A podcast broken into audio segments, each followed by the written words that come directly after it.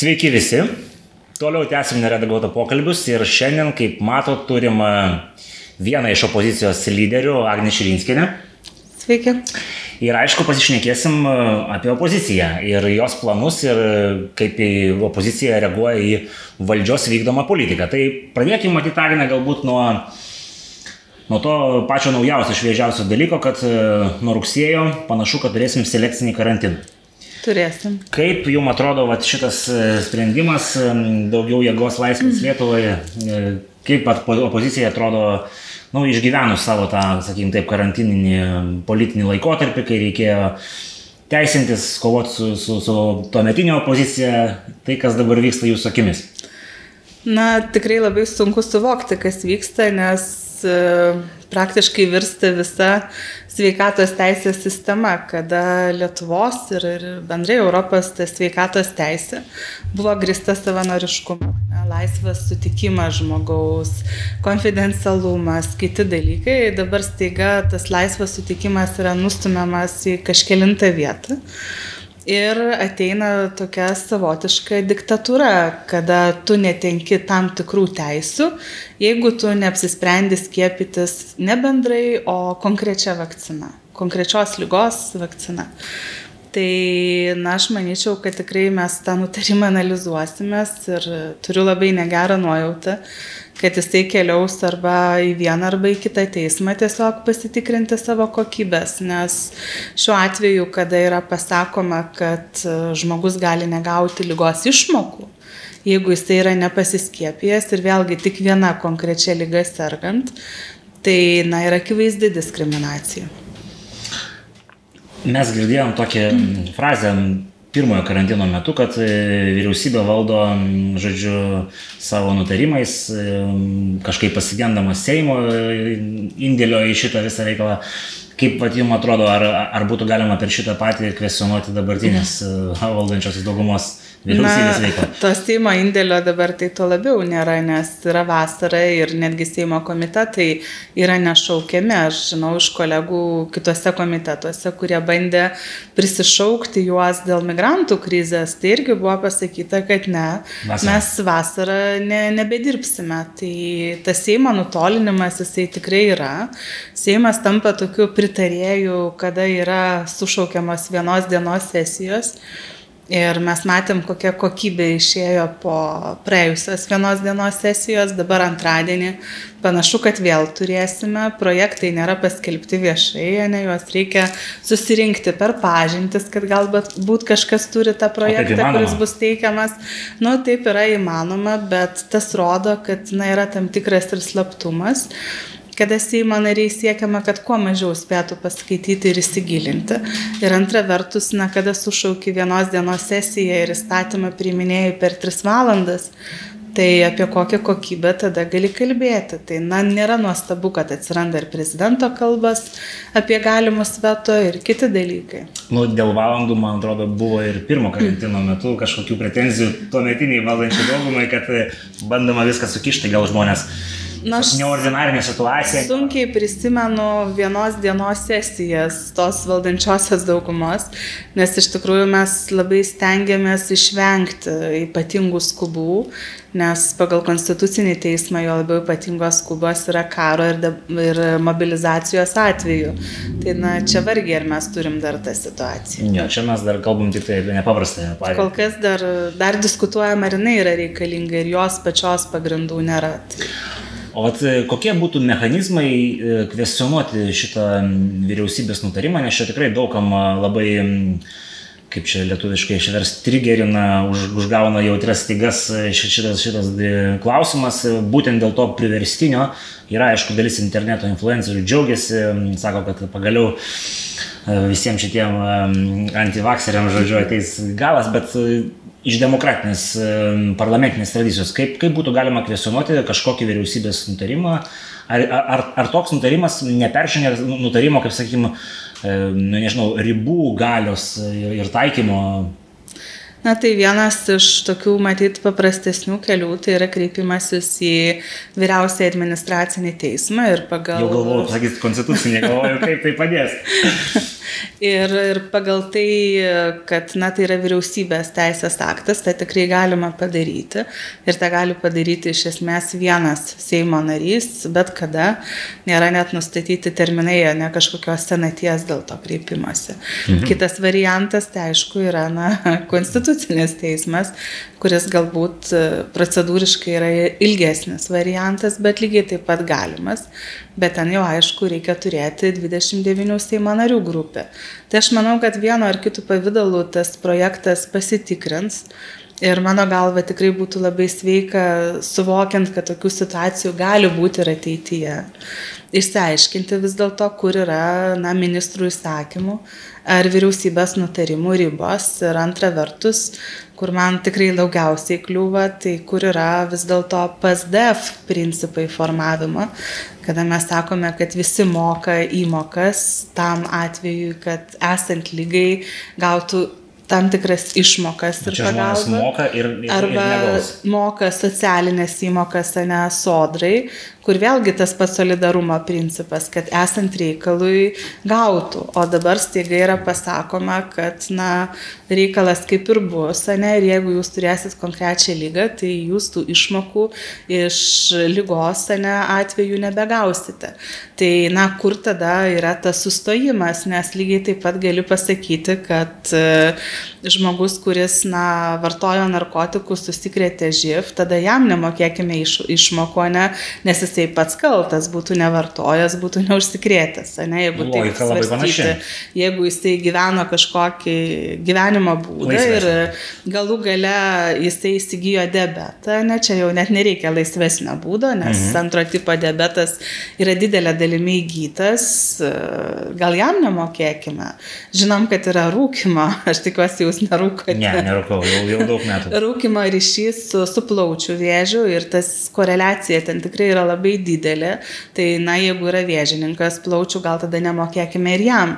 Nes vieną kartą, na, žengus su COVID, paskui kitoms valdžioms bus labai didelė pagunda žengti tuos tolesnius žingsnius ir nukarpyti, na, kitas tokias gyvenimo būdo lygas. Aš jau nekalbu apie lytinio kelių plintančias lygas, ne, kur irgi mhm. gali tą patį dalyką pritaikyti pritaikyti, bet kas įvyksta šiuo atveju ir, ir kur aš matau riziką.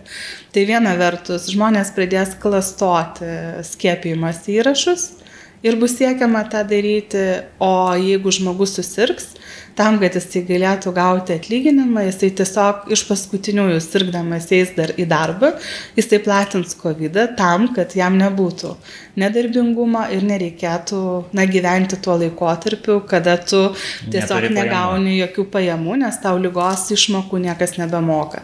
Tai šiuo atveju, na, ir valstybė nežinos realios situacijos, tai vienas dalykas.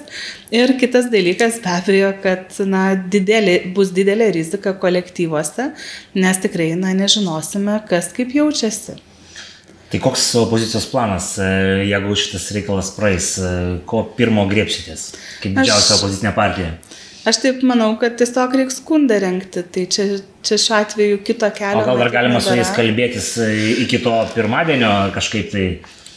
Matot, mes bandome kalbėtis, dabar frakcija jau virš savaitės yra įsiuntusi, tarkime, Biloteitai ir Gabrieliui Landsbergiui kvietimą susitikti ir padiskutuoti apie nelegalių migrantų krizę. Tai šiam momentui, nors praėjo praktiškai savaitė, tai nėra jokio atsakymo. Ne tai, kad nėra, yra atsakymas, kad mes neteisime, tiesiog yra tokia kapų tyla, kur, na, duodama matyti susiprasti, kad jūs gal mūsų nebekvieskite. O čia vat klausimas e, pagal e, Seimo statutą ir e, visus šitos, sakykime, ryšius tarp vyriausybės ir parlamento, ar gali ministras apsimesti, kad jis negirdi žodžių ir, ir, ir ne, ne, nedalyvauti, kai kviečia opozicija? Na, paprastai ministrai stengiasi dalyvauti, nes visi puikiai supranta, kad nesikalbant gali būti panaudotas kitos procedūros, kurios yra labiau prievartinės. Pavyzdžiui. Tai pavyzdžiui, surinkti parašai, klausimai teikti ir ministras tada jau privalo atsakinėti posėdžio salėje. Interpeliacija, kas aš bijau, kad bręsta bilotaitės atveju labai smarkiai, Tai irgi yra vienas iš būdų užduoti klausimus, kurie privalome atsakyti. Tai nežinau, čia jau aišku ministrų matyt skonio ir pasirinkimo reikalas, nebendrauti su opozicija tai švelniais būdais, provokuojant, kad na, būtų žengiami tie žingsniai, kuriuose jau Seimo statutas įjungia tam tikrą prievartą, ko tikrai nesinori daryti, bet nu, kitais atvejais tikrai netenka galimybės opoziciją paklausti. Tai, bet jeigu žiūrint, tokių precedentų dažnai pasitaiko, pasime, opozicijos ir, ir, ir, ir, ir, ir parlamento bendravime, tarkim, valstiečių valdymo laikotarpiu buvo tokių, tokių momentų, kai jūs kvietė, o jūs neatėjo? Na, aš žinau, kad būdavo tokių momentų, kada ministrams netikdavo konkretus laikas ir jie prašydavo suderinti kitą patogų laiką. Čia tiesiog jau aš, kiek mačiau raštą, buvo parašyta, kad jūs pasakykite patogų laiką, mes susirinksime. Hmm. Tai kada jau netinka toks variantas ir nėra atsakymo, tai natūraliai, kad, na, išvelgtum piktybiškumą. Aš suprasčiau, kad ar derintų laiką, sakytų, aš šitą savaitę suužimtas, ne, nusikelkime į kitą. Tas būtų logiška, žinant, kad, na, vyksta ir ekstremalių situacijų komisijų posėdžiai ir kad tas krūvis dabar, na, yra išaugęs. Bet... Na, čia, čia gal yra panašiai, aš prisimenu, po rinkimų man teko kviesti vieną iš paminėtų asmenų pokalbiui Tai sakė, kad net laiko kvepuoti nėra. Tai gal tiesiog yra tokia drastiška situacija tarp skrydžių į Bagdadą ir, ir kitur, kad e, išeina. Nu, kartais, aišku, gal mažiau skraidyti, žinant, kaip po tų skrydžių paskui padaugėja kitų skrydžių. Tai... Nu taip, bet nu, liktais kol kas skrydžiai primažinti, taip. bet uh, laukiam. Gerai, tai manau, kad e, šitą klausimą bus galima dar panagrinėti vėliau, kai matysim, kaip čia viskas išsivystys, bet tas kitas klausimas jau vystosi kurį laiką, kalbu apie pabėgėlius. Pradžioje gal noriu užduoti tą klausimą, kodėl opozicija nepalaikė būtent to viso, sakykime, strateginio e, valdančiosios daugumos žingsnio, kaip tvarkytis e, su migrantais pradžioje. Kur, kur vat jūsų akimis žiūrint buvo tie kabliukai? E, mes kurio nepalaikėme. Nu, kai buvo kalba, kad tie tieskim tvorą, ten šešis mėnesius laikykim uždarytus ir ten tas migracijos įstatymas, jeigu aš mhm. neklystu, ten taip vadinasi kažkaip. Nes su tuo užsieniečių teisinės padėties įstatymu mhm. iš tiesų buvo labai daug klausimų dėl tų pačių šešių mėnesių trukmės, bet matyt daugiausiai klausimų kėlė tai valdančiųjų sprendimas apriboti visas apeliacijas ir, ir aukštesnės instancijas. Kas na yra nebejotina, kad migrantai skūsis, jau vienas teisininkas, nematėm, siūlosi padėti. siūlosi padėti ir atitinkamai reikalau žalos atlyginimo. Tai na, kada matai, kad yra programuojama problema, Ir tą matė ir paskui prezidentas, balansuodamas ane, ant tos veto ribos, sakydamas, kad rudenį reikės susitvarkyti, tai dėl to mes tikrai nenorėjom prisimti atsakomybės ir kokiam nors Mahmedui ar kam nors padėti užsidirbti pinigų iš Lietuvos. Bet kažkas galėtų pasakyti, situacija tokia drastiška, galbūt, galbūt Mahmedui galima mokėti tos 10 tūkstančių ten ar kiek per Mahmedą, žodžiu, o, o, o kažkaip tai nu, spręsti bet lygiai taip pat valdantieji galėjo pradėti taikyti tas priemonės, kur dabar susiprotėjo. Ir apie tai buvo kalbama ir mes nekartą siūlėm, net kaip šešėlinė vyriausybė, kad stiprinkime sienos kontrolę. Ne, negali būti taip, kad prieina bet kas. Tos priemonės kaip apgrėžimas ne, ir prašymas kreiptis tik tai per legales vietas. Sienos skirtimo jos pradėtos taikyti yra tik tai dabar Tai na, kyla klausimas, kodėl taip reikėjo elgtis, nes tikrai teisės aktų papildomai jokių nebereikėjo. Buvo galima sprendimus priimti anksčiau.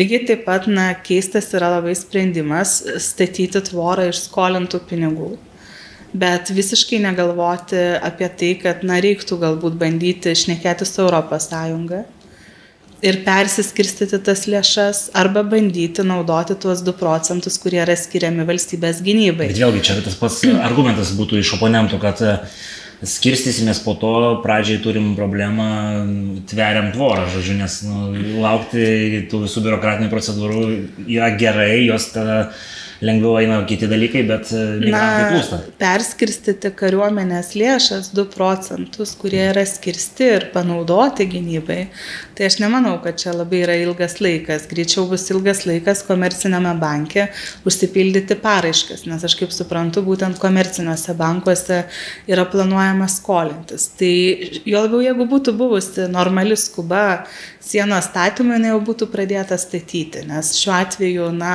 yra daromas, kaip suprantu, studijos, ką visą laiką labai mėgsta konservatoriai, bet kurio valdymo metu atitinkamai kyla tvoros kaina praktiškai nuo 15 milijonų iki 500 milijonų. Nu, ten gal ne tik tvorai, tos 500 milijonus eina, čia tai, gyvendinimas ir kitos. E, tai va, tai, na, kyla natūraliai daug klausimų, ar ta situacija nėra naudojamasi, juo labiau, kad kažkokios ypatingos skubos statyti ir nesimato. Aš jau nekalbu apie tai, kad krizų suvaldymui vyriausybėje dirbo darbo grupė praktiškai pusmetį bet jos rezultatas, kuris pasirodė praėjusią savaitę ministrų pasitarime, tai buvo konstatavimas, kad, na žinote, pas mus nėra krizių suvaldymo planų ir pas mus yra blogai su komunikacija. Tai aš manau, tą dalyką jau nedarbo grupė, o diveniškių gyventojai galėtų pasakyti be jokio pusmečio darbo, kad yra blogai su komunikacija ir nėra jokių planų. Tai šiuo atveju tai, kas būtų realu, o ne krizių valdymo centro kūrimas, ką ir mes pradėjom kalbėti savo laiku ir, ir darėm pirmosius žingsnius, nusikėlė į 23 metų antrą ketvirtį. Tai na, skuba iš tikrųjų spręsti problemas, tai man anaip tol nekvėpia. Bet tai gal tada sprendimas yra visai geras, kurį siūlo darbo partija, skelbti nepaprastąją padėtį, ehm, pasitelkti kariuomenę, kurios šiaip nepaskelbus tokios padėties su ginklu, pavyzdžiui, negali pasitelkti pagalbą ir išrikiuoti ten kas 50 metrų po, po, po kareivį ir realiai taikyti atgrasimą ir, ir, ir, ir, ir sulaikyti migrantus fiziškai ir atstumti juos. Na, ne, nepaprastai padėčiai skelbti yra reikalingos dvi sąlygos. Tai yra grėsmė konstituciniai santvarkai, kitaip tariant, turi būti matomas perversmas realiai vykstantis. Nu, čia matyt galima kažkaip pritemti būtų, jeigu žiūrime į tą kapsėjimą. Pritemti. Žmogaus teisų teismas reikalauja realaus fakto. Bet nepaprastos padėties atveju kai kurie dalykai daug lengviau traktuojami. Mano vakar minėtas, minėtas partijos mm -hmm. teisininkas aiškino, kad tokiu metu mes galėtume pasakyti, kad e, informuoti ES ir kitas tarptautinės institucijas, kad mes daugiau neįsileidžiam, mūsų galimybės perpildytos, mes e, taikom tai ir mums nelabai kas galėtų prikišti, ką?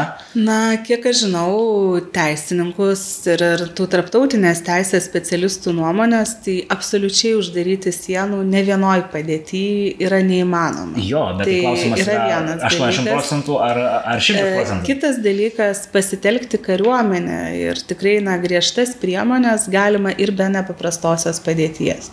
Tai šiuo atveju, ten, kur mes visą laiką ir, ir sakėme prieštaraudami nepaprastosios padėties įvedimui, kas tikrai žmonių teisės daug daugiau riboja negu tik kariuomenės panaudojimas. Bet tai būtų sakėm, kad... pakankamai siauram ruožė. Tai... O kokia logika tada? Sakėme, kad vis dėlto... Logika, kad veržiasi tai pro vieną sieną, o dar kol kas tai neblokė. Kam iš... tada naudoti instrumentą, kuris yra akivaizdu, kad yra antikonstitucinis? Nes nėra nepaprastosios padėties sąlygų šiuo metu Lietuvoje nėra.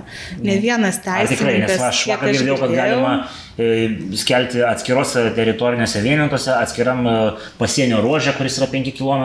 Ne vienas teisininkas, kiek aš girdėjau, nepasakė, kad yra. Pradedant prezidentūros teisininkais, baigiant tikrai žinomais specialistais.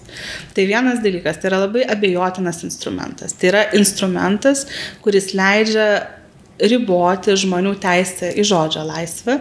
Tai yra akivaizdu, kad tos bendruomenės, kurios dabar prieštarauja migrantų apgyvendinimui, tiesiog būtų nutildytos, pasakant, kad yra nepaprastoji. Tarp kitko visai neseniai vienoje laidoje, Delfija kalbu apie Saulis Kvernelį, labai aiškiai išdėstė, kad E, tos teisės, kiek jos būtų ribojamos, Seimas galėtų nuspręsti, galėtų apriboti tik tai ten kažkurias teisės, o palikti visas ten ir susirinkimo, ir, ir žodžio, ir panašiai, ir nekiltų problemų. Tas lankstumas ten yra, kaip aš. Aš iš to, ką matau, ką valdantieji bent jau kalbėjo apie nepaprastąją padėtį, tai buvo kalbama apie žmonių protestus kaip problemą, dėl ko reikia.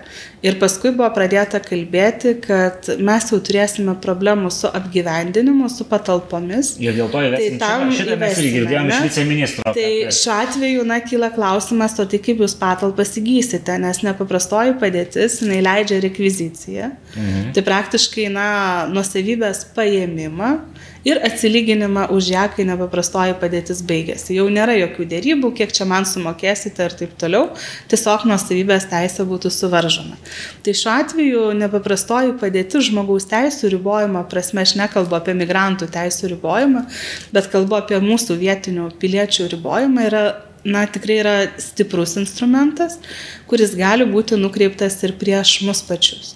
Dabar kas yra daroma ir, ir bandoma padaryti, tai bandoma ieškoti būdų, ką mes ir, ir siūlėm visą laiką, pasitelkti kariuomenę, neribojant mūsų gyventojų teisų.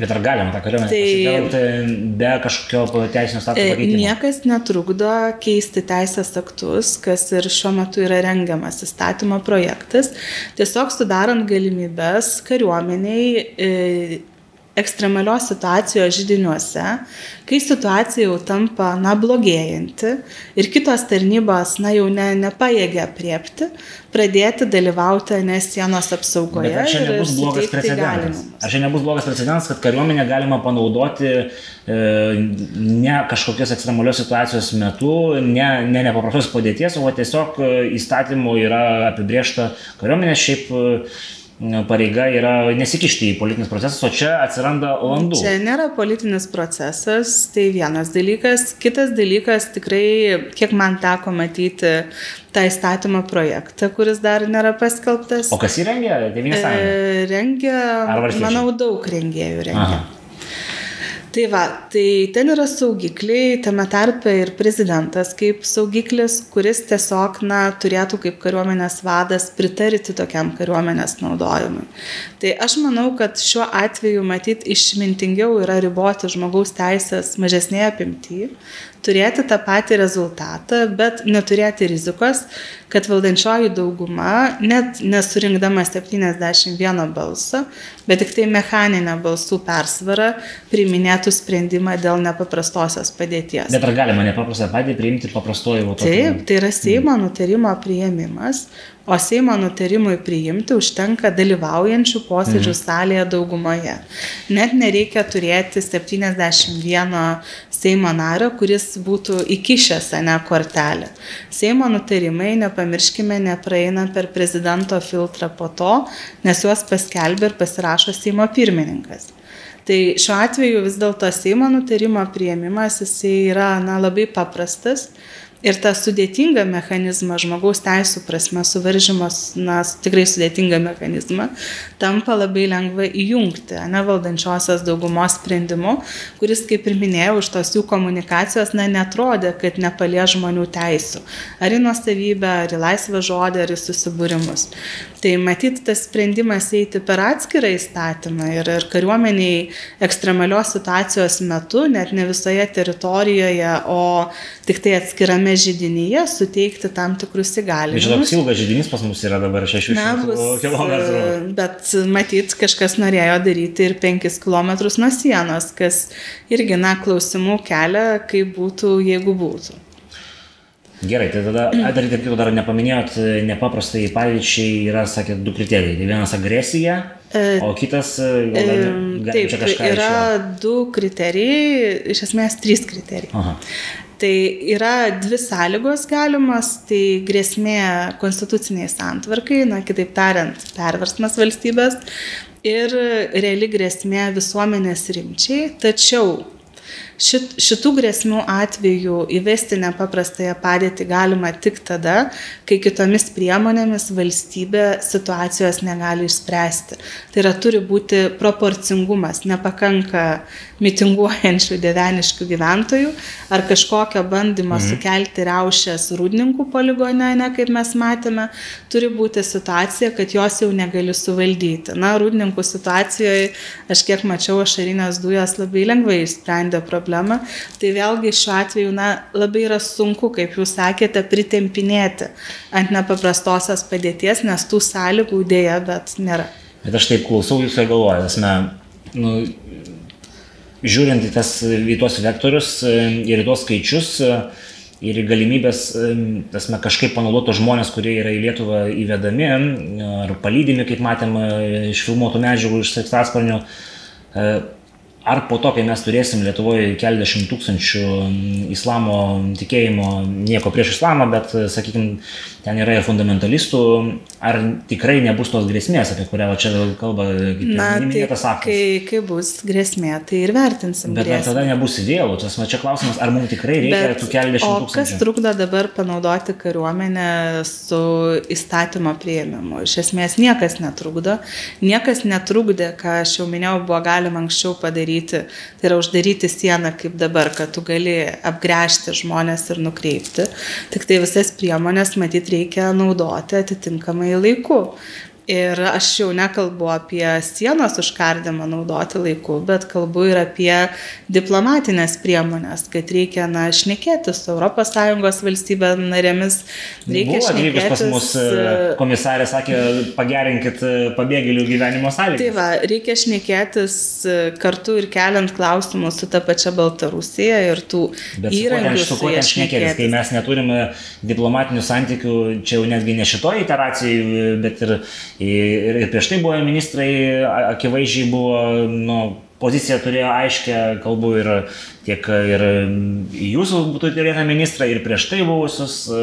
Na, mes neturim netgi paskirto ES ambasadoriaus. Ir šita vyriausybė labai sėkmingai blokuoja.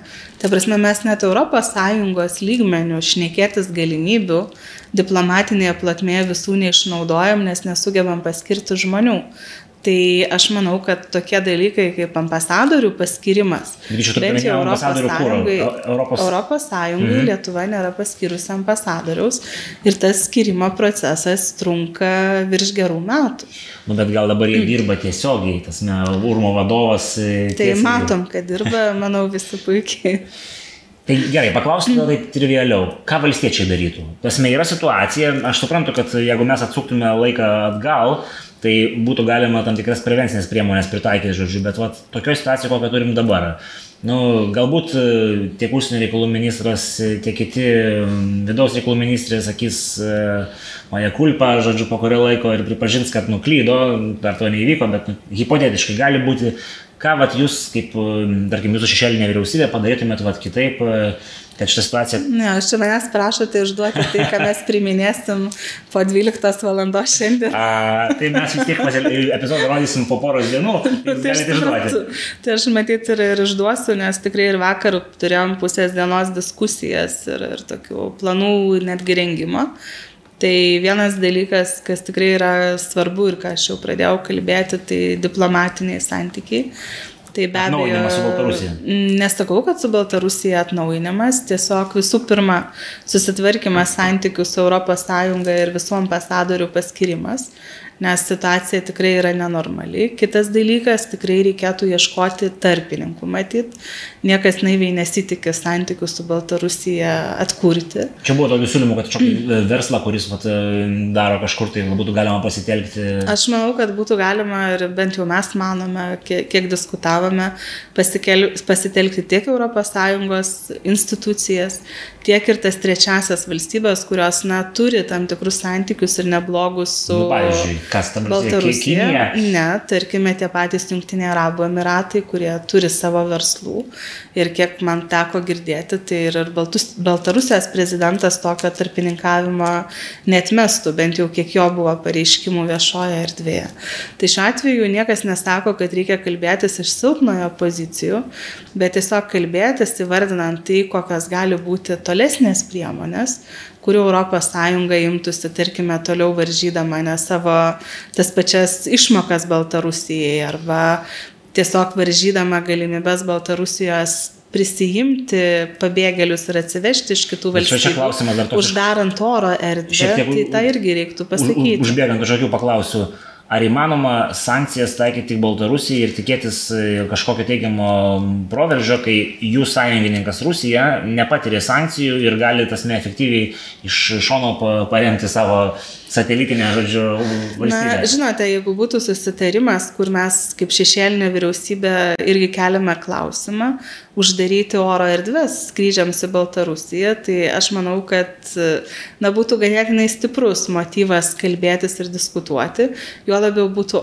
visiškai aišku, kad jeigu tolesnis rautas migracijos tęsiasi, tai jisai gali eiti tik per Rusiją. Ta prasme, tada tikrieji, tikrosios šaknis problemos matyti išsiriškintų arba problema natūraliai pasibaigtų. Užtektų iš tiesų susitarimo likusių valstybių. Bet kaip, uždaryti, o, kaip uždaryti oro erdvę, pavyzdžiui, skrydžiam iš Stambulo, Bagdado, dar kažkur tai, žodžiu. Bet jie skrenda su Ukrainos ar su Lenkijos leidimais tai oro erdvė yra pakankamai kontroliuojama aplinkinių valstybių. Na, tada jau skrydis per Rusiją, kas padidintų natūralų kaštus ir labai aiškiai išryškintų Rusijos dalyvavimą. Tai ar to norėtų Baltarusija išryškinimo yra kitas, matyti, diskutuotinas klausimas. Bet žiūrint į tas, na, diplomatinės ar, ar spaudimo tam tikro priemonės, tai jų galima pasižiūrėti, matyti ir daugiau. Vienas iš klausimų, ką, ką pradėjome kelti, tai iš tiesų tokie pasienio konfliktai, ne, arba vienos valstybės bandymas pažeisti kitos erdvę, kažką atliekant veiksmus.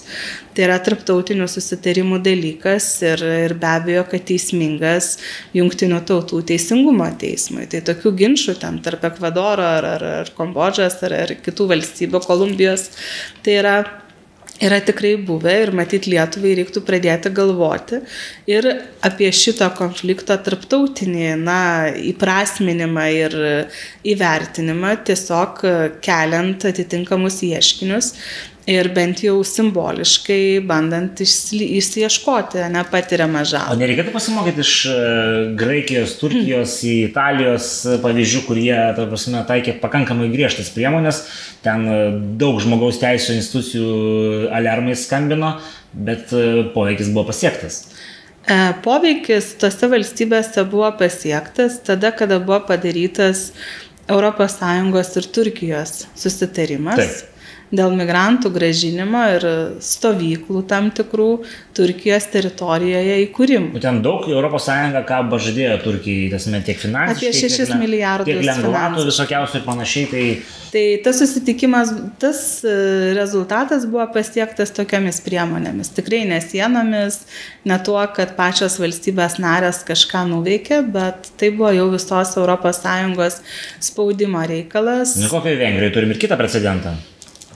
Taip, ir labai daug teismų ir pasitraukusias agentūras. Tai šiuo atveju, na, matyt, visą laiką reikia ieškoti teisėto kelio, reikia ieškoti efektyvaus kelio ir tas teisinis huliganizmas anksčiau ar vėliau baigėsi, nu, ne visai linksmai. Tai jūs e, manot, kad mes turim tos erdvės e, šitiem ilgesniem biurokratiniam procesam ir kad Lukašenka mūsų tiesiog, e, man labai patiko, šiaip negaliu sakyti, aš simpatizuoju, bet vieno, sakykime taip, tokios liberalesnės stovyklos e, atstovo Facebook'e postas, kad tai, ką dabar daro Baltarusija su Lietuva, tai panašu kaip e, kompiuteriniam pasaulyje yra kibernetinė ataka, kai serveris smūgiuoja daugybę užklausų ir jisai, nu, kai patiria užklausų gebėjimo susitvarkyti su jom limitą, jis tiesiog nulūšta. Tai Ar nebus taip, kad mes kaip valstybė nulūšim kažkurio momentu, kai, nes, nu, matom, kad bandoma didinti skrydžių kiekius, tarėmės su kitom valstybėm. Dabar sumažėjo, aišku. Jo, bet bandoma kalbėti su Afrika, kad mm. atsiųsti dar papildomų žmonių. E, nu, turint omenyje, kiek tose valstybėse, su kuriam Lukašenka dabar vykdo kažkokį, sakykim, taip, pokalbius yra žmonių, gyventojų, koks ten gimstamumas, tai, nu, tikėtina, kad tų vienetų jisai sugebės rasti. Mhm. Tai ar nebus taip, kad mes e, tiesiog, e, vat, kalba ir mūsų tos vidaus e, tarnybos, kad jos prie kažkokio kiekio migrantų savo visą, visas paėgas turės mesti jų izoliuotamai apsaugai, nebeliks kitiem dalykam, ar, ar, ar, neatsiras po to kitų veiksmų, nežinau, sikalstamumas kažkurioje Lietuvos daly padidės, nes policijos pajėgos bus atitrauktos į pasienį ir į tuos konfliktus, ar čia, nu, ar čia negrėsia kažkokiu tokiu perkaitimu? Tai dėl to ir kalbama apie kariuomenės pasitelkimą, ne, kas yra skaitlingumu be abejo viena iš didžiausių, matyt, valstybės tokių tarnybų. Kitas dalykas, tai na, yra ir kiti veiksmai, kuriuos valstybė gali ir turi išbandyti, tai tas pats migrantų gražinimas ir matyt, kad efektyvesnio būdo atgrasinti nuo noro važiuoti į Lietuvą. Bet mesgi neturim teisinių sustarimų su, su partija. Kaip grįžtantis lėktuvai nėra. Tai nereiškia, kad mes neturime. Tai reiškia, kad yra ir ES agentūros, kurios gali padėti ir, ir tą sistemingai daro. Bet mūsų problema šiuo atveju yra labai lėtas migrantų prieglapšio prašymų nagrinėjimas. Ir tikrai, kada pasižiūri migracijos tarybo, tarnybos statistiką. Bet kaip jūs ir... neturi pasų?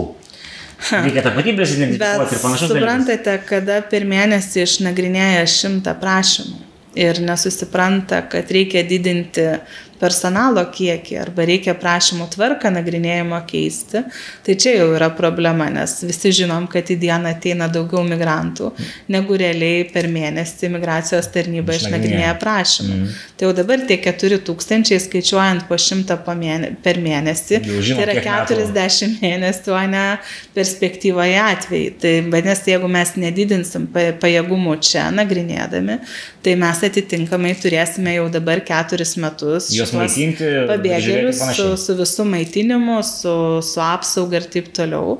Aš jau nekalbu apie tai, kad juos teks paleisti į gatves kas laukia po šešių mėnesių, tai, tai čia bus linksmybės. Tai va čia yra didžiausia problema, ką mes bandėm, na, bandydami to įstatymo prieimimą sabotuoti, pasakyti, kad terminas iš tiesų yra neadekvatus. Viena matyt buvo galima subalansuoti moteris ir, ir vaikai, vaikų ir dabar jau iš esmės, kad teismai sako sulaikyti negali, bet kita tai bus žmonės, kurių tapatybė nebus spėta nustatyti.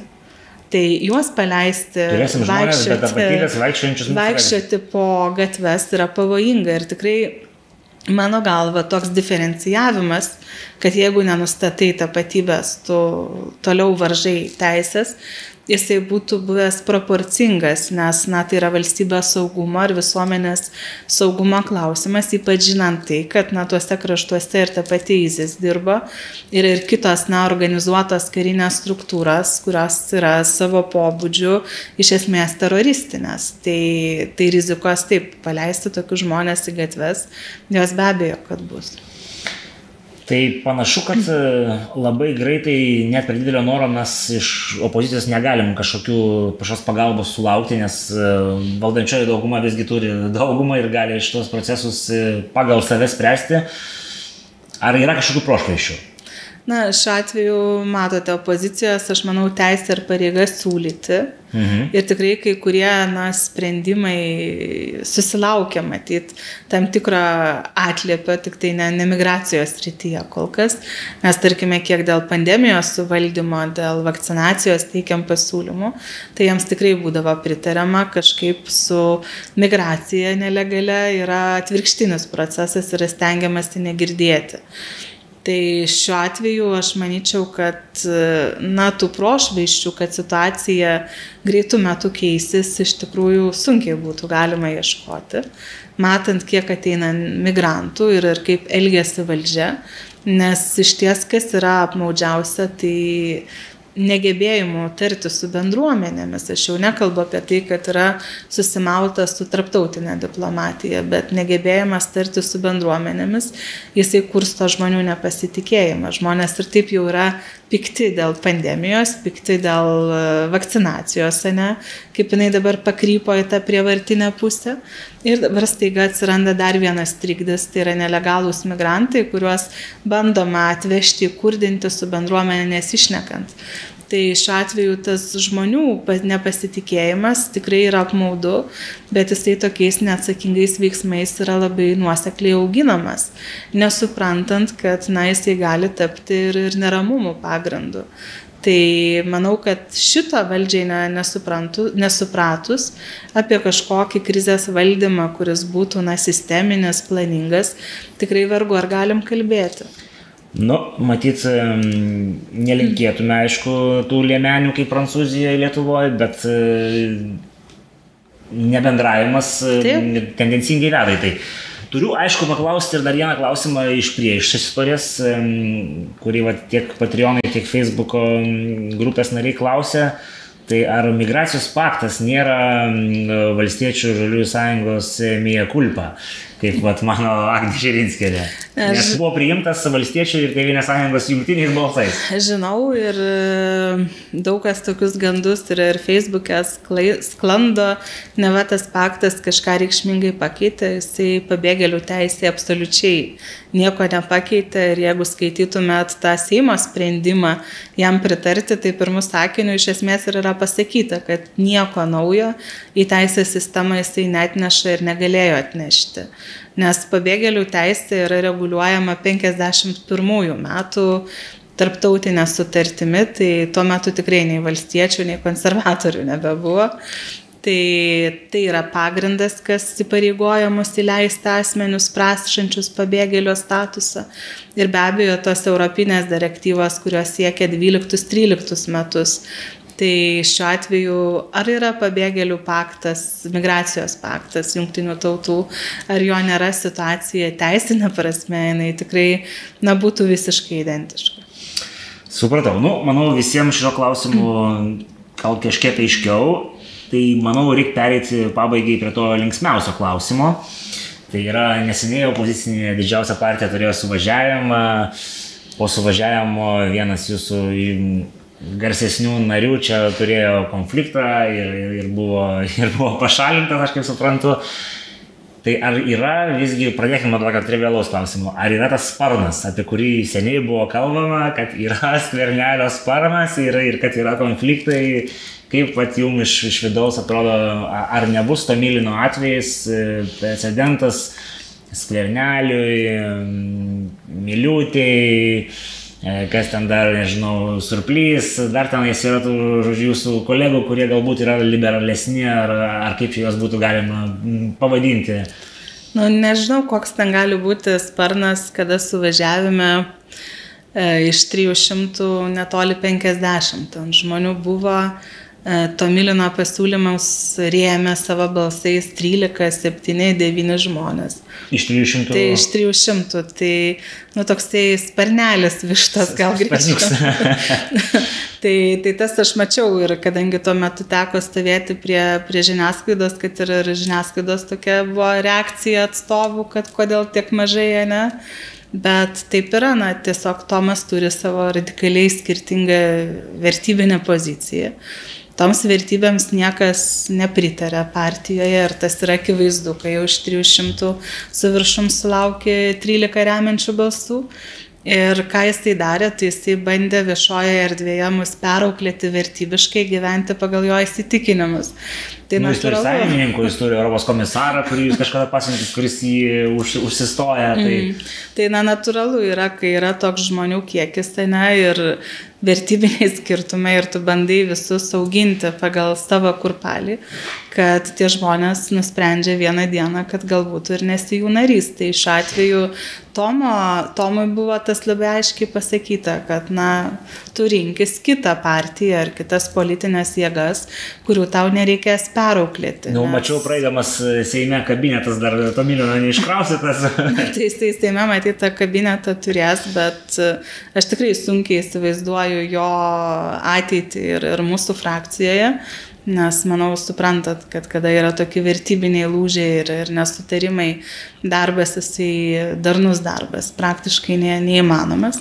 Tai matyti ir frakcija kažkada anksčiau ar vėliau priminė sprendimus.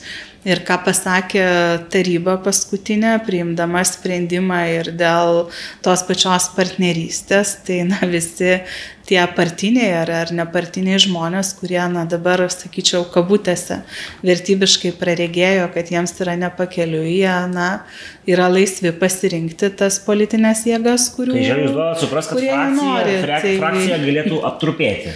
Tai aš manau, ne, ne tai, kad duodame suprasti, bet tiesiog sakome, kad mūsų vertybės yra tokios, kokios yra, su kokiamis mes atėjome į rinkimus. Jeigu kažkam jos nepatinka, natūralu, kad pasirinkimas gali būti daromas.